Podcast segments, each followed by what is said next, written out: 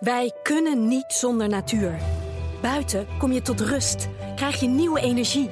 Zoals wij de natuur nodig hebben, heeft de natuur ons nodig. Als natuurmonumenten zetten wij alles op alles om de natuur ruimte te geven. Doe mee. Ga naar natuurmonumenten.nl/slash word lid. Je luistert naar Puur Natuur, een podcast van Natuurmonumenten. Nieuwe bouwwerken maakt Natuurmonumenten zoveel mogelijk van hout uit haar eigen bossen. Zo ook met de gebouwtjes van de nederzetting op Markerwadden, de eilandengroep in het Markermeer. Maar welke route legt dat hout nu eigenlijk af? We gaan op onderzoek uit met Harold van den Akker, coördinator hout en biomassa bij Natuurmonumenten. En architect Frans Ziegler, die de nederzetting op Markerwadden ontwierp. Harald, om te beginnen. Begin vorig jaar kwam bij jou de vraag binnen of je hout kunt leveren voor de gebouwen op Markerwadden. Had je dat hout klaar liggen? Ja, niet in die, in die hoeveelheden, maar we hebben wel hout klaar liggen. Eh, we hadden toevallig, we zijn net een samenwerking aangegaan met Stichting Twikkel. Om daar rondhout, dus stammen die bij ons uit de bossen komen, op te slaan. Zodat we ook op de momenten dat de vraag binnenkomt, want zo'n vraag voor hout voor eigen gebouwen komt altijd op ongelegen momenten. Midden in het broedseizoen, als we geen bomen kappen, dan willen mensen hout hebben. En dan willen ze ook geen rondhout, maar planken of balken. En dat is dan, daar gaat dan van het traject dan vooraf, voordat je zover bent. En hoe ga je daarbij te werk? Nou, het begint eigenlijk in de beheereenheden, waar de boswachters bepalen wat er in het bos gebeurt. Zij bepalen of er bomen gekapt worden en welke bomen er gekapt worden. En op het moment dat ze gaan blessen, dat is het merken van bomen die weggehaald worden, dan kom ik in beeld en ga ik kijken hoe ik zo goed mogelijk dat vrijkomende hout kan vermarkten voor natuurmonumenten. En dat is, het mooiste is om het in te zetten in eigen gebouwen. En het tweede na mooiste is het om het te verkopen. En op die manier een bijdrage te leveren aan de begroting. Ja. En voor het ehm, nederzetting op Markerwadden is gekozen voor larixhout. Ja, klopt. Eh, de larix is een geïntroduceerde soort. En in heel veel bossen bij natuurmonumenten, niet overal, maar op heel veel plekken kijken we hoe we meer naar inheems bostype kunnen. En larix en douglas zijn dan de soorten die we vaak verwijderen. En dat doen we door middel van dunne. Dat is eh, om de paar bomen erin weghalen, ehm, zeg maar, komt er hout vrij. En het hout voor de Markerwadden is deels gekapt ehm, in de bossen van Leuvenum. Leuvenumse bossen, Oud-Groevenbeek, die omgeving. En komt ook heel veel uit Montferland. Maar even naar dat dunne. Waarom zou je bossen gaan dunnen? Ja, in principe is het zo dat eh, wat wij willen zijn eenvormige bossen. En dat is vaak, larixbos is vaak eenvormig. Het zijn allemaal dezelfde boomsoorten, dezelfde bomen die geplant zijn. En wij willen meer eh, ruimte en structuur maken in zo'n bos, zodat er ook andere soorten kunnen groeien. Dat er meer licht op de bodem valt, eh, dat er dood hout is, een, kruidlaag, een struiklaag. Dus dat is de reden waarom we ingrijpen in een bos. We willen een meer gevarieerd bos. Want wat is het voordeel van een gevarieerd bos ten opzichte van een larixbos? Nou, dat heeft veel hogere natuurwaarde. Er zijn veel meer soorten die gebruik maken van een gevarieerd bos. Hoe meer boomsoorten je in een bos hebt, zeg maar, hoe meer diersoorten daar ook van profiteren. En ook andere plantensoorten zoals paddenstoelen. Dus eh, hoe gevarieerder, oude bomen, jonge bomen, kleine boompjes, eh, wat ik zeg, een, een kruidlaag, een struiklaag, eh, licht, donker. Hoe meer variatie, hoe meer soorten. Spechten zie je vooral in, in bos waar ook oude bomen staan, oude dode bomen bijvoorbeeld. Dus nou, heb je geen oude dode bomen, heb je ook geen spechten. Maar nou komt er zo'n vraag voor de Markerwadden. Ehm, je hebt dat dan voor een deel liggen. Ga je dan boswachters vragen om in hun bossen eh larixen te gaan kappen... zodat je uiteindelijk aan genoeg hout komt? Nee, nee, nee, nee. Wij kappen bij natuurmonumenten de afgelopen jaren zo jaarlijks 15.000 tot 20.000 kub hout. Dat weten we uit ervaring dat dat gemiddeld genomen zo ongeveer vrijkomt. Dat is omdat we de bomen die we laten staan meer ruimte willen geven en zich beter kunnen ontwikkelen. En ook al die natuurdoelen, die wil je ook dienen. Dus eh, wij kappen uitsluitend omdat het bos er beter van wordt. Wij kappen niet omdat we gebouwtjes willen bouwen of omdat we geld willen verdienen aan de verkoop van bomen. Het, eh, de, de bomen die vrijkomen is een, is een uitvloeisel van het bosbeheer. En dat En bosbeheer doen nut- we Daar, daar voor de dan- natuurwaarde. Ja, en met, met dat hout wat vrijkomt ga je dan vervolgens nuttige dingen doen. Ja, precies. Kijk, en als het nou zo was geweest dat we eh, niet genoeg hout hadden gekapt om daar de Markenwadden eh, van te voorzien, dan hadden we hout bijgekocht.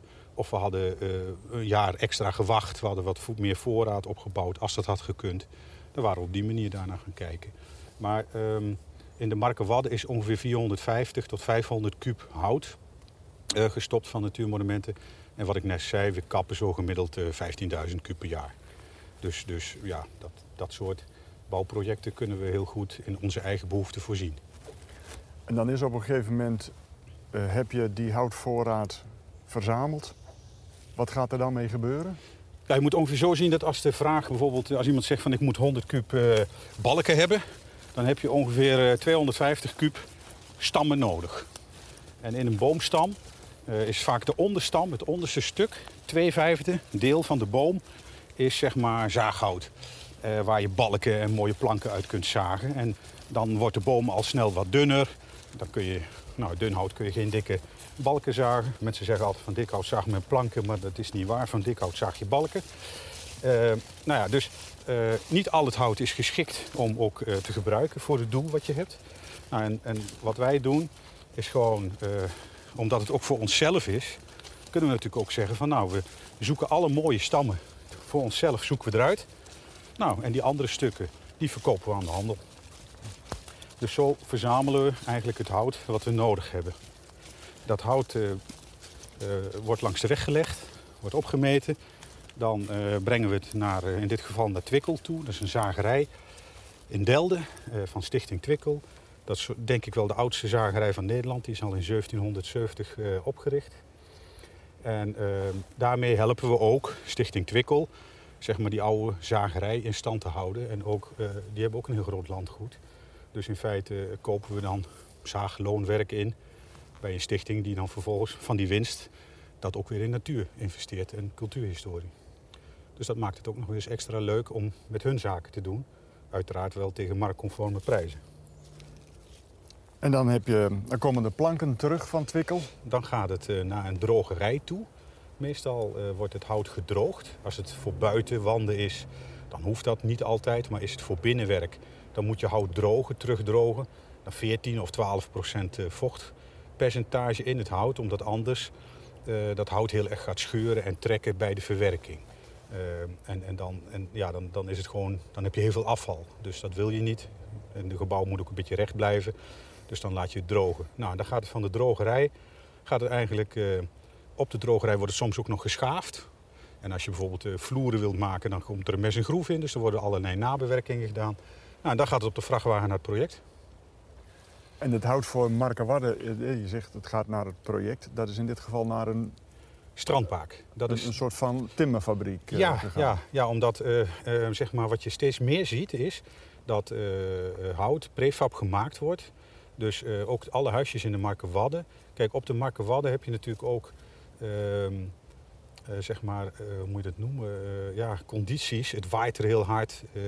De, er is, het is off-grid, dus er is, er is geen stroom.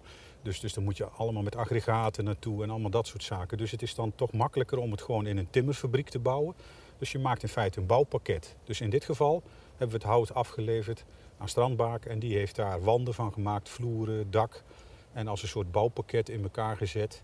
En uiteindelijk meegenomen per schip naar, eh, naar de. En daar is het in elkaar gezet. Daar hebben ze het weer in elkaar gezet en afgetimmerd.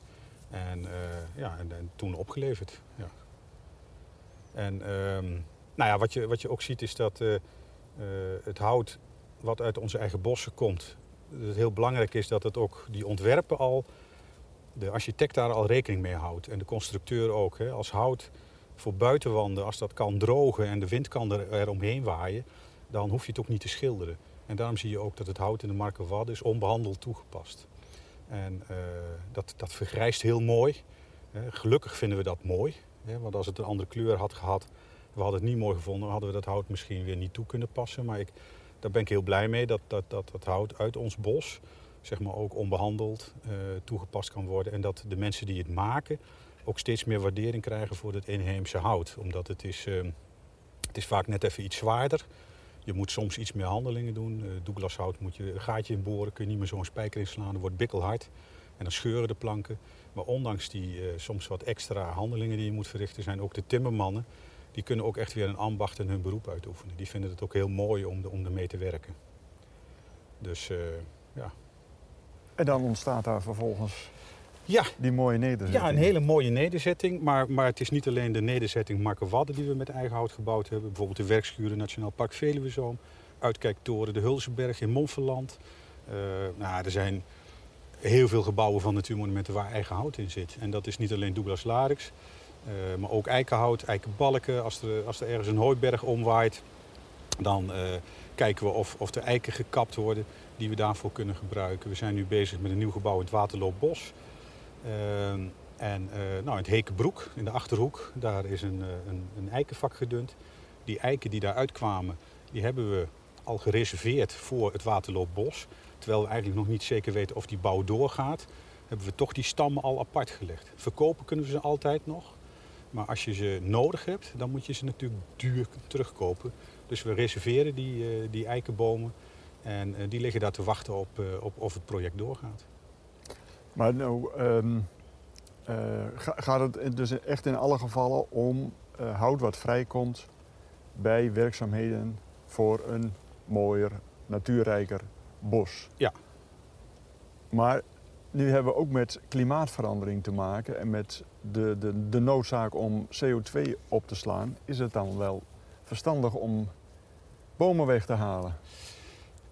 Die bomen halen wij weg omdat het beter is voor de bomen die blijven staan. Dus kappen doen we toch. En dat doen we omdat wij natuurwaarden willen bereiken. Omdat we hogere natuurwaarden willen bereiken dan dat er op dat moment in dat bos aanwezig zijn.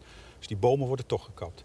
Als je dan vervolgens die bomen uh, omzet in, uh, nou ja, in een tafel of in een gebouw, dan hou je de CO2 die die boom heeft vastgelegd ook nog 30 of 40 of 50 jaar lang. Zolang als dat gebouw meegaat, leg je die CO2 vast. Dus ook uh, voor CO2-opslag en vasthouden is het goed om veel met hout te bouwen en ook heel veel eigen hout gewoon te gebruiken in een korte keten. Dicht bij huis, uit je eigen bos. Ehm, en op de vrijkomende plekken in het bos groeien weer bomen die weer nieuwe CO2 ja, opslaan. precies. En uh, daar komt of door natuurlijke verjonging, zeg maar, dus dat is het zaad van de bomen die er staan in de omgeving, zaait zich dat weer uit. Of je plant bomen aan. En dat aanplanten gaan we steeds meer doen. Omdat ook door die klimaatverandering zien we dat we wellicht ook uh, doordat we meer mengingen maken, dus meer verschillende houtsoorten in dezelfde bossen, dat je een robuuster bos krijgt. Een bos wat, uh, kijk, gaat het slecht met de eiken, en je hebt ook heel veel lindes in je bos staan, ja, dan heb je misschien straks nog een lindenbos of een beukenbos. Maar als je maar één soort hebt waar het slecht mee gaat, om wat voor reden dan ook, dan, dan verdwijnt je bos. En dat wil je niet. We willen, we willen tot in lengte van jaren gewoon uh, ook in het bos kunnen wandelen. Nu we weten waar het hout voor de nederzetting op Markerwadde vandaan komt, gaan we naar de ontwerper.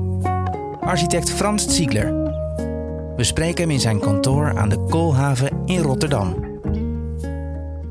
En jij bent uh, nauw betrokken geweest bij, het, uh, bij de nederzetting van uh, Mark. Hoe ben je daarbij betrokken geraakt? Ja, ik kreeg uh, eigenlijk plotseling een telefoontje van André Rijsdorp, de projectleider, samen met Roel Posthoorn van Natuurmonumenten, of we geïnteresseerd zouden zijn voor een selectie. Nou, het klonk als een jongenstroom, een geweldige opdracht. Dus we hebben natuurlijk enthousiast eh, gereageerd. Ehm, in de tweede ronde moesten we ook een aannemer zoeken. Dat is een belangrijk uh, onderdeel van de selectie geweest.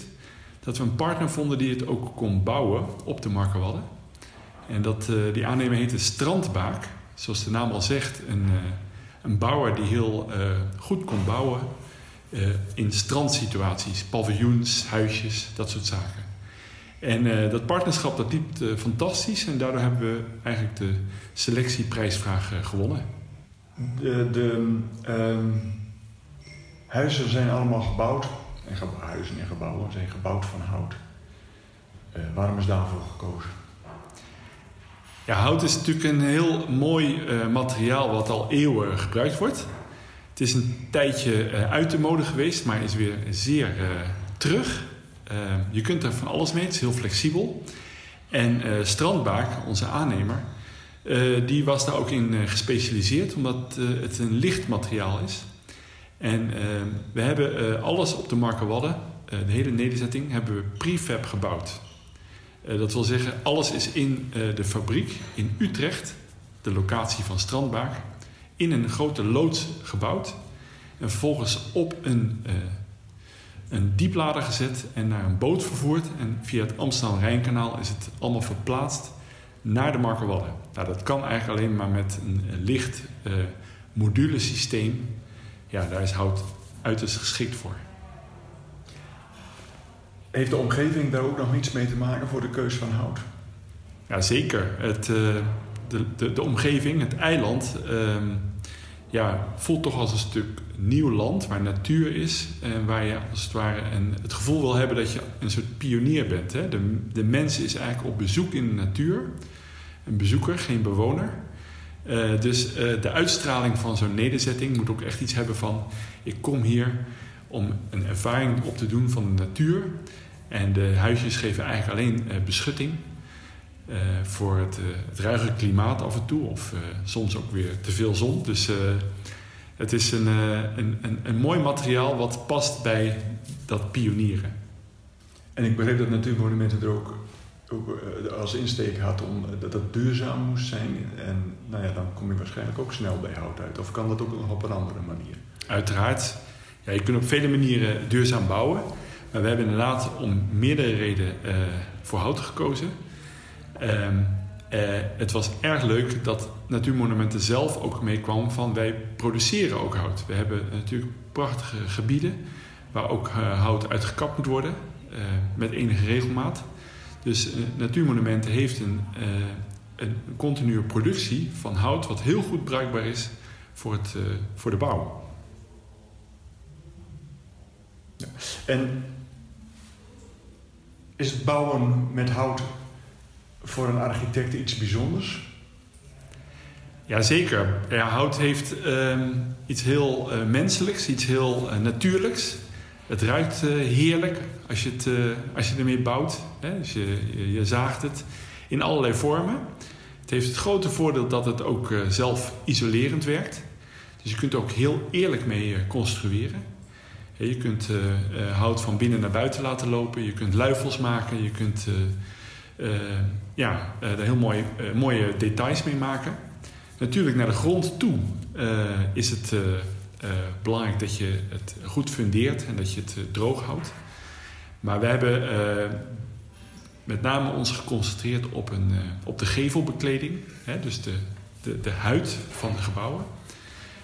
die, die is gemaakt van latten, van larixhout.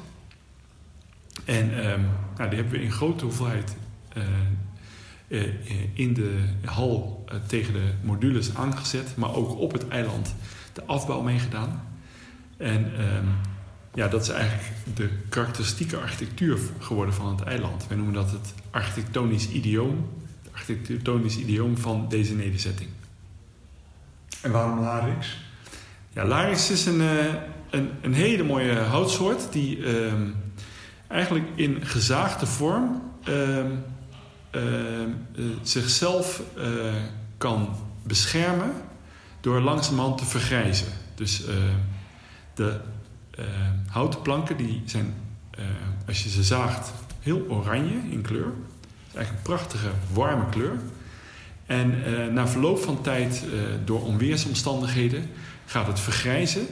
En wij vinden dat proces ja, heel erg mooi om te zien. je kunt het nu in de nederzetting ook heel mooi zien, omdat er verschillende tinten grijs ontstaan. En langzamerhand wordt het dan uh, zilverachtig uh, uh, en, en, en, versnelt het prachtig met, ja, met de begroeiing en de, met, de, met de karakter van het eiland. En ben jij nou een architect die alleen maar met hout werkt? Ik werk steeds meer met hout. Ik vind het prachtig. dit project heeft me heel veel geleerd, ook over hout. Uh, ik vind uh, daarnaast baksteen ook een heel mooi Hollands product. werken met een natuurlijke klei. Maar ehm, de combinatie is, is, is, is fijn. we denken wel steeds vaker aan het bouwen met hout, omdat het natuurlijk een belangrijke nieuwe, uh, een, belangrijk antwoord in zich heeft voor de klimaatverandering en de CO2-productie van de bouw. dus heel veel bouw zorgt voor CO2-productie, terwijl hout eigenlijk opslag is van CO2. En daardoor zeggen we van, ja, als, je, als het kan en als het past in de omgeving, dan kiezen we nu het liefst voor hout. Dat, is een, zeg maar een, een, vrij technische redenering. Um, heb je nog liefde voor het hout gekregen? Absoluut. ja, want dat uh, zie je ook als je bij de Marken Wadden uh, binnen gaat kijken. Daar zijn we ook gewoon doorgegaan met hout. Het bekleden van de wanden is met populiere multiplex gebeurd. alles. de eh, de plafonds, eh, de wanden.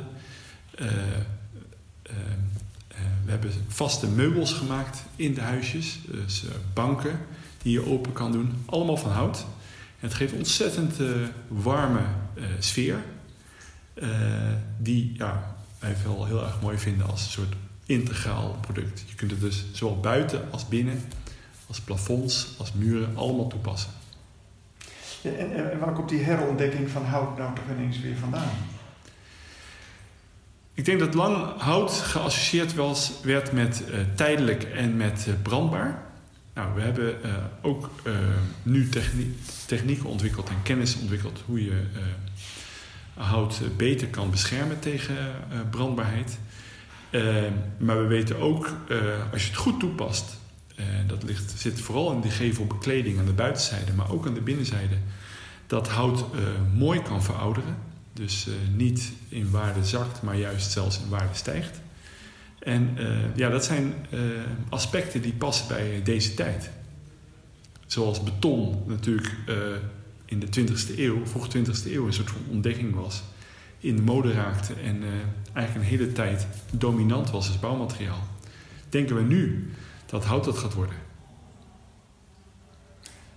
Maar hebben we daar wel genoeg eh, bossen voor om zoveel hout te produceren dat we daarmee aan de bouwvraag eh, kunnen voldoen? Ja, dat is een hele goede vraag. Uh, er zijn recentelijk nog wel berekeningen geweest van hoeveel bos je dan nodig hebt om de complete productie van woningbouw bijvoorbeeld in hout om te zetten. Nou, dat zijn behoorlijk wat hectare. Ik ken die rekensommetjes niet. Ik weet wel dat het een ontzettend mooie input kan zijn voor uh, landschapsontwerp in Nederland. En uh, wellicht ook een deel de landbouw zelfs zou kunnen gaan, landbouwgronden zou, zou kunnen innemen als we meer bosbouw zouden gaan doen. Dus ehm, zonder van allerlei landen zoals de Scandinavische landen die ontzettend veel hout hebben hè, en kunnen we ook een, ho een, hoop productie verhogen in Nederland. En uh, dat lijkt mij zeker interessant. Dus het is een, een nieuwe tak voor, uh, voor boeren. In plaats van melkvee hout gaan produceren. Absoluut. Ik kan het zeer aanraden. Denk je dat, dat, dat, je daar boeren warm voor kunt krijgen? Ja, er zal op alle fronten stimulans voor moeten zijn. er zijn altijd van die bewegingen die gaan heel langzaam. Ik weet dat in Panorama Nederland van de Rijksbouwmeester daar ook een aspect in zit van hoe kunnen we die landbouw verduurzamen. En er zit ook absoluut uh, nieuwe bosbouw in. Je hebt ook uh, een nieuw fenomeen dat heet voedselbossen. Dus waarbij ook zelfs voedsel uit bossen geoogst kan worden. Dus al die combinatieargumenten zouden zeker wel toe kunnen leiden dat we boeren aan gaan zetten tot bosbouw. Ja, een ander argument is natuurlijk wat we in de coronatijd hebben gezien, dat het veel te druk wordt in natuurgebieden. Dus dat we meer natuur, meer bos nodig hebben om de drukte een beetje te spreiden. Absoluut. Ik denk dat dat uh, ook zo is. Kijk, we, we kennen natuurlijk uh, grote landbouwgebieden die wel mooi zijn als uh, open gebieden, maar die eigenlijk nauwelijks toegankelijk zijn. En ja, dat is een van de mooie taken die Natuurmonumenten op zich neemt, is dat groen en open gebieden, maar ook beboste gebieden natuurlijk toegankelijk zijn. En ja, voldoen een enorme behoefte aan recreatie en ontspanning. Nog even terug naar bouwen met hout. Heb jij een favoriete houtsoort? Ja, ehm, dat is uh, met name door dit project, de nederzetting Mar Marco Wadden, uh, verstevigd. We hebben hier dus met Larix gewerkt. Dat is een fantastische houtsoort. Uh, groeit gewoon in Nederland. Het is echt van onze eigen bodem. Um, Larix hebben we toegepast als gevelbekleding, maar ook als constructiehout. maar als gevelbekleding heb ik echt als... ja, vind ik het heel bijzonder dat het zich zo ontzettend mooi met de weersomstandigheden en met de, het landschap eromheen verhoudt. We waren best wel een beetje bezorgd over of het vlekkerig zou worden en misschien een beetje smoezelig. Ehm, maar we zijn naar een aantal schuren geweest die gebouwd zijn door natuurmonumenten. met name onder leiding van Tony de Haan, een expert op het gebied van bouwen met hout binnen natuurmonumenten. Hij heeft mij een eh, schuur laten zien in Haarzuilens, die eh, er zo ontzettend mooi bij stond na tien jaar, dat ik ervan overtuigd eh, raakte dat, dat dit het antwoord zou zijn voor de Markenwadden. En brengt die overtuiging je ertoe dat je vanaf nu alleen nog maar met hout gaat bouwen? Uh, wij werken in hele verschillende omstandigheden. Ik uh, uh, zou het leuk vinden om ja te zeggen, maar ik denk dat in sommige uh, zeer stedelijke omstandigheden het ook prima is om met andere bouwmaterialen te werken. Ehm, maar nogmaals, ik denk dat ehm, in Nederland op hele diverse uh, manieren gaan bouwen. Dat er ook een grote behoefte blijft bestaan van buiten wonen en ook landschappen ook beleefbaar maken. Dus dat je ook voorzieningen moet treffen voor bezoekers en verblijf. En ja, wij denken dat het met de Marco Wadden een, een, voorbeeldproject is, een pilotproject is, wat uh, opgeschaald kan worden en wat, wat, wat veel invloed kan hebben op ja, hoe we nieuwe wijken gaan opzetten. Dan moet je je voorstellen dat dat dan het voorbeeld is op zo'n verlaten eiland, zo'n nederzetting, die we dan straks in dorpen en steden terug gaan zien. Misschien niet heel letterlijk, maar zo'n voorbeeld wat ik net noemde over het toepassen van zonnepanelen in combinatie van hout dat is een innovatie die je vaak in hele bijzondere eilandachtige situaties eerst gaat testen. Er zijn veel uh, innovaties in de architectuur en de stedenbouw. zijn vaak in hele geïsoleerde omstandigheden ontstaan als een soort test. En als dat dan werkt, dan gaat het zijn invloed hebben. En dat kan nog hele andere vormen aannemen. Maar in ieder geval de kennis die daar opgedaan wordt. Hè, want uh, we hebben nog niet genoemd. Het is een off-grid eiland. Dus uh, energietechnisch is het helemaal zelfvoorzienend. Ja, daar moeten we naartoe. Heel veel gemeentes zeggen dat ze dat eigenlijk voor hun stad of hun wijk willen. Maar er is nog geen voorbeeld dat dat gelukt is. Nou, de Marco Wadden laat zien dat het op die schaal kan lukken. En dat wij uh, dus uh, dat nu naar grotere schalen moeten brengen. Je hoorde Frans Boscher in gesprek met Harold van den Akker en Frans Ziegler. Wil je geen aflevering van deze podcast missen? Abonneer je dan in je favoriete podcast-app. Wil je meehelpen de natuur en het culturele erfgoed in Nederland te beschermen? Kijk dan op www.natuurmonumenten.nl/slash. Bedankt voor het luisteren naar deze aflevering van Puur Natuur. En tot snel in een van onze gebieden of in je koptelefoon.